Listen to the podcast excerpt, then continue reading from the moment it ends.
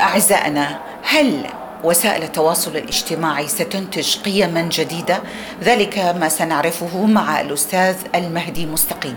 أستاذي بخلاف ما يدل على اسمها وسائل التواصل الاجتماعي لكن هي صارت وسائل للتباعد إذا صح التعبير الاجتماعي. لماذا يرغب الفرد في التواصل مع البعيد بدل من القريب من الأهل؟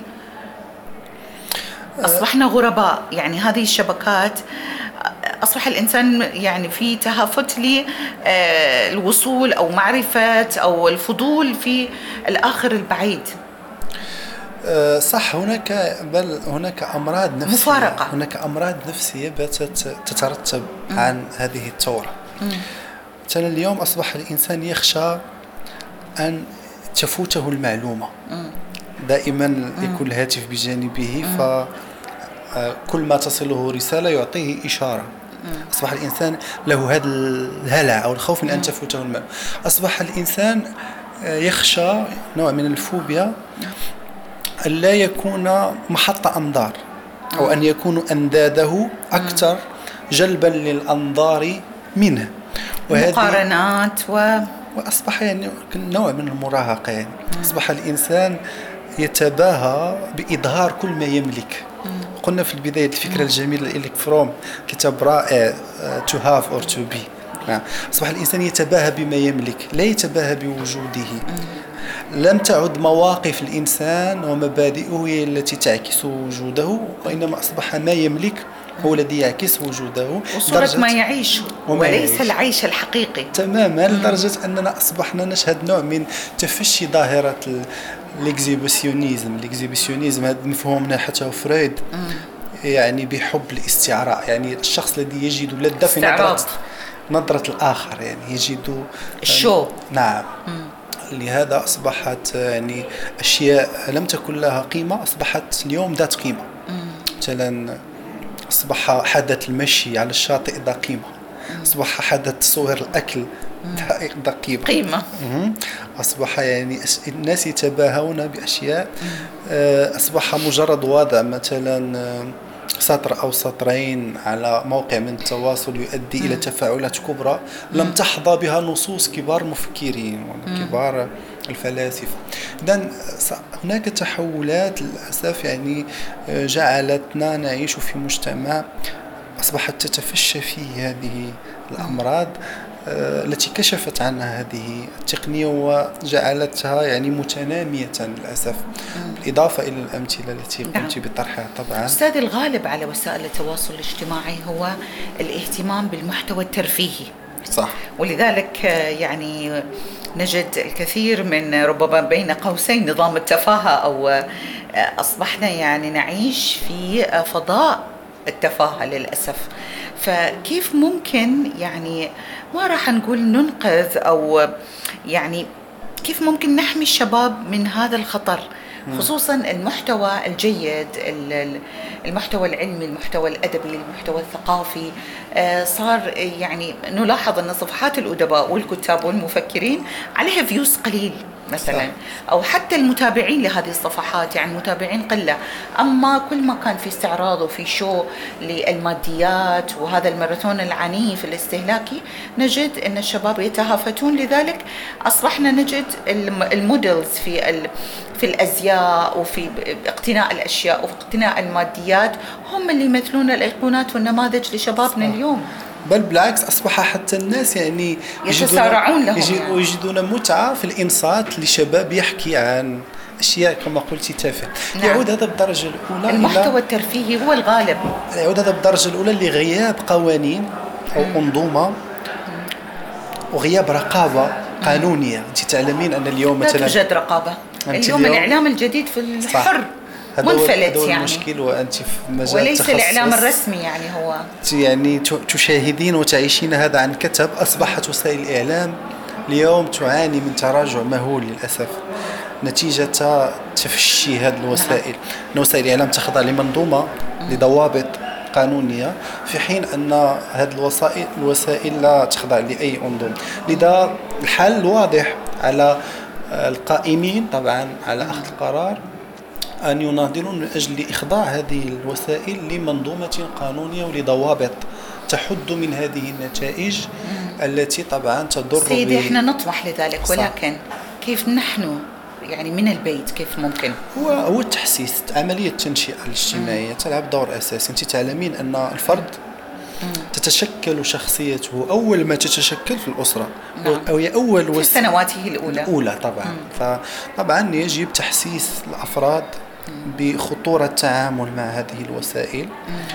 وتحسيسهم أيضا بكيفية التعامل معها فيما يخدم مصالحهم. بالدرجة سيدي الاولى على سبيل المثال أنت تعمل اليوم ناشطا مع بيت الفلسفة ولديكم قسما خاصا للأطفال. صح. أعطني مثالا كيف تجد طف- أطفال اليوم؟ كيف تجد حركتهم مع موبايلاتهم مع إيباتاتهم مع اللابتوبات؟ يعني مع الجهاز. أنا يعني أجزم بأن الطفل يكاد لصيق. اليوم صح. اليوم يكون يعني لصيقا لتلك الأجهزة. كيف ممكن تخرج من هذا الفضاء إلى فضاء أكثر عمقا أكثر اجتهادا تحريضا للفكر للمعرفة. معك حق. يعني تم حالة من الإدمان يعني تام يعني ونحن نشاهد نشاهده بشكل يومي. نعم. آه، طبعا بيت الفلسفة هذه المنشأة الثقافية تم إنجازها وعيا بالقائمين عليها بخطورة هذه المآلات الجديدة. لهذا يتم استقطاب الأطفال ومحاولة الفكر. صح ومحاولة إخراجهم آه، من ذلك المجال الذي آه، يتم فيه إنشاء طفل ذات تفكير سطحي. ونحاول في بيت الفلسفة هذا هو الرهان تنمية الطفل على التفكير النقدي. كيف؟ كيف؟ انطلاقا طبعا ننظم ورشات يعني بشكل آه، مستمر. نضع برنامج طبعا نستقطب بعناوين بعناوين آه، مثلا. هناك هناك مثلا بالنسبة للبرامج الكبرى آه، قلت لك أن بيت الفلسفة حرص على برنامج أساسي هو ترجمة أحد أهم سلاسل فلسفة الأطفال. جميل. هو في مرجعيته طبعا الفرنسية. نحن عدنا إلى المرجعية الفرنسية بالنظر إلى مراكمتها لتجربة قوية في هذا المجال لأن مجال تعليم فلسفة الطفل هو مجال جديد ضمن الاجتماع العربي. ونحن طبعا ليس أمامنا إلا أن نستفيد من تجربة الآخر لأنه كان سباقا لهذا المجال. أول شيء سطره بيت الفلسفة هو أنه وضع مشروعا لترجمة مجموعة من الكتب الفلسفية. أولا جميل. ثم أيضا أعددنا آه، قاموسا ومعجما للتعريف بالفلاسفة للناشئة بأسلوب متيسر لأن المشكل في الفلسفة سادتي هو أن الفلسفة هي تتاسس على نصوص مكثفة أقول- حتى أقول- تكون ثقيلة على حتى لا أقول معقده نعم. وتتطلب ضربا معينا من التركيز ضربا معينا من التأمل. فهنا دور بيت الفلسفة كوسيط معرفي. الفلسفة تحتاج إلى وسائط من بينها الصحفي والمثقف الذي يقرأ النص الفلسفي وينقله للمتلقي بأسلوب متيسر. جميل. هل يمكننا ذلك؟ ربما آه، يعني كلامك يفضي بي إلى عالم صوفي Sophie's World صح. يعني هذه الرواية اللي يعني جذبت الأنظار ولفتت وصارت الأكثر مبيعا للكاتب آه، النرويجي جوستيان جارد. جوستيان جاردن آه، كيف كانت الطفلة كل آه، كل فترة تستلم آه، بريدها وفي كل بريد يحمل سؤالا نحو العالم نحو الذات من أنا آه، ما هو الوجود هل ممكن إن إحنا نستدرج الطفل بهذه الأسئلة الوجودية الكبرى ونصنع له ورشا آه، قريبة مرنة يستطيع أن يتفاعل معها. نبعده صح. شوي عن وسائل التواصل الاجتماعي. آه، كانت مثلا هذا الفيلسوف نعم. الكبير يقول بأن الفلسفة تخرج من أفواه الأطفال أو الأسئلة الفلسفية الكبرى يطرحها الأطفال. آه، لأن الأطفال طبعا يطرحون تساؤلات حتى يمكن أن نقول أن تساؤلات عفوية يعني. لكنها تساؤلات وجودية نعم. لهذا نحن في بيت الفلسفة نحاول يعني استثمار هذه التساؤلات التي يطرحها الأطفال ضمن أوراش.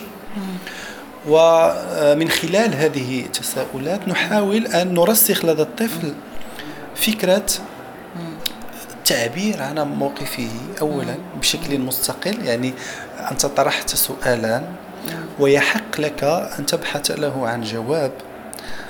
ونحاول أن نعلم هذا الطفل أن يبحث عن أجوبة عقلية منطقية لأن أنت تعلمين أن الفلسفة كنمط من التفكير. نعم. يناقض نمط التفكير الخرافي الأسطوري. طبعا هو قائم على فكرة الشك والسؤال وال... صح. نعم. وهذا التأخر التاريخي الذي تعاني منه مجتمعاتنا. راجع لكون أن هناك خلفية أسطورية. الأسطورة طبعا ليس كل أبعاد هي أبعاد سلبية. فيها أبعاد طبعا يمكن توظيفها توظيفا إيجابيا. لكن هناك جانب مظلم في هذا النمط من التفكير الخرافي. نعم. آه، المجتمعات العربية عليها أن تعي بأن السبب الذي يحول دون انبعاثها وتقدمها هو أنها تتخذ طبعا آه، هذه الأبعاد الأسطورية كرؤية للتفكير في الوجود. لهذا في بيت الفلسفة نحاول أن ننمي الطفل على التفكير بشكل عقلي بشكل منطقي حتى نتجاوز هذا التأخر التاريخي. لأننا نجد مثلا آه، ناشئة من حيث المظهر تجدينه يعني حديث لكن من حيث التفكير تقليدي جدا. هنا يمكن أن ألخص لك كل هذا في قولة شهيرة للمفكر المغربي عبد الله العروي يصف فيها حال المرأة المغربية والعربية عموما. يقول لو كور مودرن le cerveau traditionnel الجسد حديث العقل تقليدي هذا هو حال. لدينا مدن ربما تضاهي المدن أكبر المدن الأوروبية. لكن على الفاعلين ضمن هذه المدن أن تكون لهم نمط أو يكون لهم نمط من التفكير. ينسجم مع الحداثة لأن الحداثة التقنية هي وليدة لما نعيشه من يسبق الآخر هل المفهوم أم الواقع؟ الناس يعيشون الحداثة ثم يفكرون فيها. نعم. لأن المنتجات هي هذه طبعا المنتجات الحديثة طبعا هي نتيجة لنمط معين من التفكير. نعم. لا يمكن للإنسان أن يعيش ضمن مجال حديث بنمط تقليدي. نحن لا نقصد بالتقليد نقصد بالتقليد ذلك الجانب أو مجموع العوائق التي تحول دون التقدم لأن الإرث أو التقليد عموما كما أشرت في البداية فيه جانب مظلم. هذا الجانب المظلم هو الذي علينا أن نعيد النظر فيه. فيه جانب مضيء يمكن أن نعيد استثماره مثلا نحن في بيت الفلسفة. نعم. نعرف الطفل والناشئة على الفلاسفة الذين عاشوا في السياق الثقافة العربية آه، الإسلامية. نعم. ثمة سلسلة من الكتب تعرف مثلا ابن رشد ابن باجة إلى غير ذلك. وهذا ينم على وعينا بأن في التراث هناك أبعاد تنويرية هناك أبعاد يعني. هذه الأبعاد هي التي يجب استثمارها. آه، خصوصا وأن في الثقافة العربية الإسلامية للأسف تم حصر الفلاسفة في ست أسماء. في المشرق معروف مثلا هناك مثلا الفارابي بن سينا الكندي. في المغرب هناك ابن الطفيل بن باجة بن رشد. حين أن هناك مئات الفلاسفة المسلمين لا يتعرف عليهم هؤلاء الأطفال لأن هذا التصنيف يعني محصور في أسماء معينة. والأسباب عديدة أنت تعلمين أن ما كتبه فلاسفتنا تقريبا 90% لم يصلنا بسبب ما عرفه بيت الحكمة على يد هولاكو من حدث حرق نعم. بيت إحراق بيت. الحكمة. إلى غير ذلك السطو عليها إلى غير ذلك. لذا فهناك طبعا مجهودات لباحثين كثر. على آه، يمكن أن نذكر من بينهم على سبيل المثال آه، المفكر الباحث محمد الشيخ الذي يبحث في هذا المجال أنه يغوص في الإرث الثقافة العربية الإسلامية ويحاول ما أمكن أن يستخرج ذلك البعد المشرق وأن يعرف به لأننا في حاجة إلى هذا الإرث المستنير الذي تم طمسه من حضارتنا. هذا الإرث المستنير أمام هذه القوة التكنولوجية التي تطغى. يعني اليوم. كيف ممكن نقول آه، معنى كلامك أنه أو المتفق عليه لنقل ساهم انفتاح العالم على بعضه وجعلنا اليوم قرية كونية. آه، التكنولوجيا هي السائدة هي التي هي ال- القوة اليوم خلينا نقول. يعني أمام كل من مثلا لا يتبع هذا الطريق أو لا يعني ينخرط في هذه الحياة يصبح مدانا يصبح منبوذا. آه، كيف ترى هذا الموضوع؟ أو كيف تستشرفوا أنتم الباحثون يعني في الفكر في الفلسفة؟ كيف تستشرفون مستقبل هذه الوسائل؟ إيه، فكريا وفلسفيا. مع حركة الإنسان. الف- الفلاسفة يعني عبروا عن هذا عندما مثلا نتحدث عن الثورة التي وصلنا إليها الآن الثورة الرابعة فهي تعكس تطور نمط الفكر الإنساني. مثلا إذا عدنا إلى أوغست كونت فهو يتحدث يقول أن الفكر الإنساني عرف ثلاث مراحل. مرحلة لاهوتية يعني الناس كانوا دائما يفكرون في الأشياء بإرجاعها إلى قوى خفية تتجاوز الطبيعة المرحلة الثانية المرحلة الميتافيزيقية. كان الناس يفكرون في وجودهم استنادا إلى مفاهيم مجردة. المرحلة الثالثة يسمى المرحلة الوضعية. هي مرحلة الفحص والتحليل العلمي إلى غير ذلك وهي التي أفضت بنا إلى ما بيتنا نعيشه اليوم من تطور تقني إذن هذا الوضع الذي نعيشه اليوم نعم. هو صيرورة أو تراكم لتطور الفكر البشري. طبعا لا يمكن إلا أن نساير هذا التقدم لكن فيما يخدم مصلحة الإنسان بالدرجة الأولى وفيما يخدم القيم الإنسانية. لهذا مثلا في مجال تخصصنا اللي هو الفلسفة انبجس مؤخرا تخصص يسمى البيو إيتيقا لا بيو إيتيك أخلاقيات البيولوجية. ما معنى أخلاقيات البيولوجية؟ هذا المبحث يسعى إلى تأسيس درب أخلاقي يحرص على وضع رقابة على العلم لأن العلم اليوم أصبح أخلاق يعني آخر شيء يهمه أصبح العلم يراهن على المصلحة أصبح العقل عقل أداتي وهذه مسألة تطرق إلى رواد فرانكفورت. يعني هذا السؤال الملح القيم الجديدة. أصبحت لدينا قيم جديدة مع هذه الوسائل. لهذا اليوم كيف تراها؟ اليوم يعني ينادي الباحثين بثورة خامسة. ثورة خامسة يعني ثورة إنسانية يعني توجيه القيم في خدمة آه، الإنسان. ثورة أخلاقية. أخلاقية ليس أمامنا سوى العو- العودة إلى الإرث طبعا الذي راكمه الإنسان. الآن مثلا هناك تخصص حديث اسمه أخلاقيات الفضائل. هذا التخصص أخلاقيات الفضائل في مجال الفكر. مثلا سأعطيك مثال.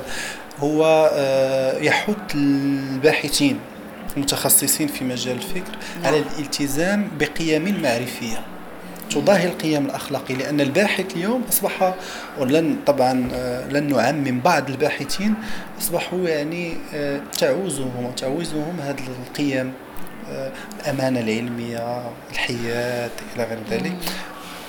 التقاليد التقاليد الشخصية يعني. لهذا علينا طبعا اليوم يتم الحديث عن الفضيلة وهي مفهوم قديم في الفلسفة. مثلا يمكن أن نعود إلى أرسطو مثلا.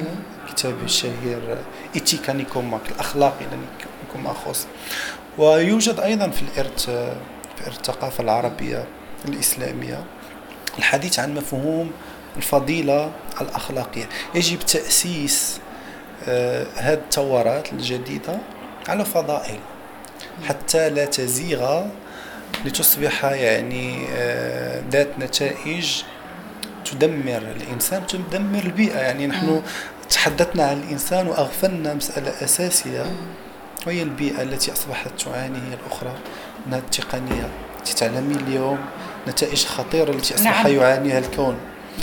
وهنا يعني آه، دور الأيكولوجيا. تتعلم مؤخرا ربما فازت رواية في الجائزة جائزة البوكر نعم العربية تغريبة القافر. وهي يعني عن آه، الماء. تحد- تحدث عن الماء. نعم. تحدث عن الماء. يعني نحن في حاجة لمثل هذا في حاجة لمثل هذه الروايات ومثل الأبحاث التي تبحث عن آه، تأسيس صرح أخلاقي نعم. يعطي الأولوية للإنسان والبيئة بالدرجة الأولى. العودة إلى الطبيعة. نعم. لأن أصبحت التقنية اليوم تترتب عنها نتائج تضر بالإنسان وتضر بواقعه وبطبيعته. والنتائج التي بتنا نحصلها هي نتائج خطيرة. شهدناها مؤخرا في الوباء الأخير الذي أفضى إلى طبعا آه، إزهاق العديد من الأرواح. إذا على آه، الكون على كل الفاعلين ضمن هذا الكون أن تتضافر جهودهم من أجل آه، محاولة تأسيس منظومة من القيم الأخلاقية التي تمارس رقابة على العلم لأن العلم اليوم أصبح خارج عن كل رقابة أخلاقية ويوجه من أجل تحقيق المصلحة والربح بالدرجة الأولى. وآخر ما يهمه هو الإنسان أو الطبيعة. ونحن في الأخير من نؤدي طبعا ضريبة هذه القوى الكبرى تراكم أرباح نعم. مهولة. أنت تحدثت عن وسائل التواصل الاجتماعي.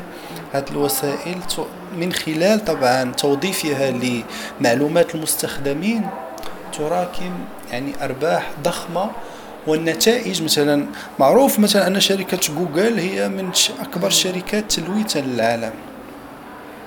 إذا السؤال المطروح الآن هو إلى أي حد يمكننا أن نوجه هذه الطفرة التي لا يمكننا طبعا أن نرجعها إلى الوراء صوب الإنسان وصوب البيئة بالدرجة الأولى. لأن حتى هؤلاء القائمين على هذه القوى الكبرى أصبحوا يعبرون نوع من الندم. هم يعبرون عن نوع من الندم لأن انفلتت منهم النتائج يعني فلتت منهم حتى أبنائهم أصبحوا يعانون من تبعاتها يعني هم نعم.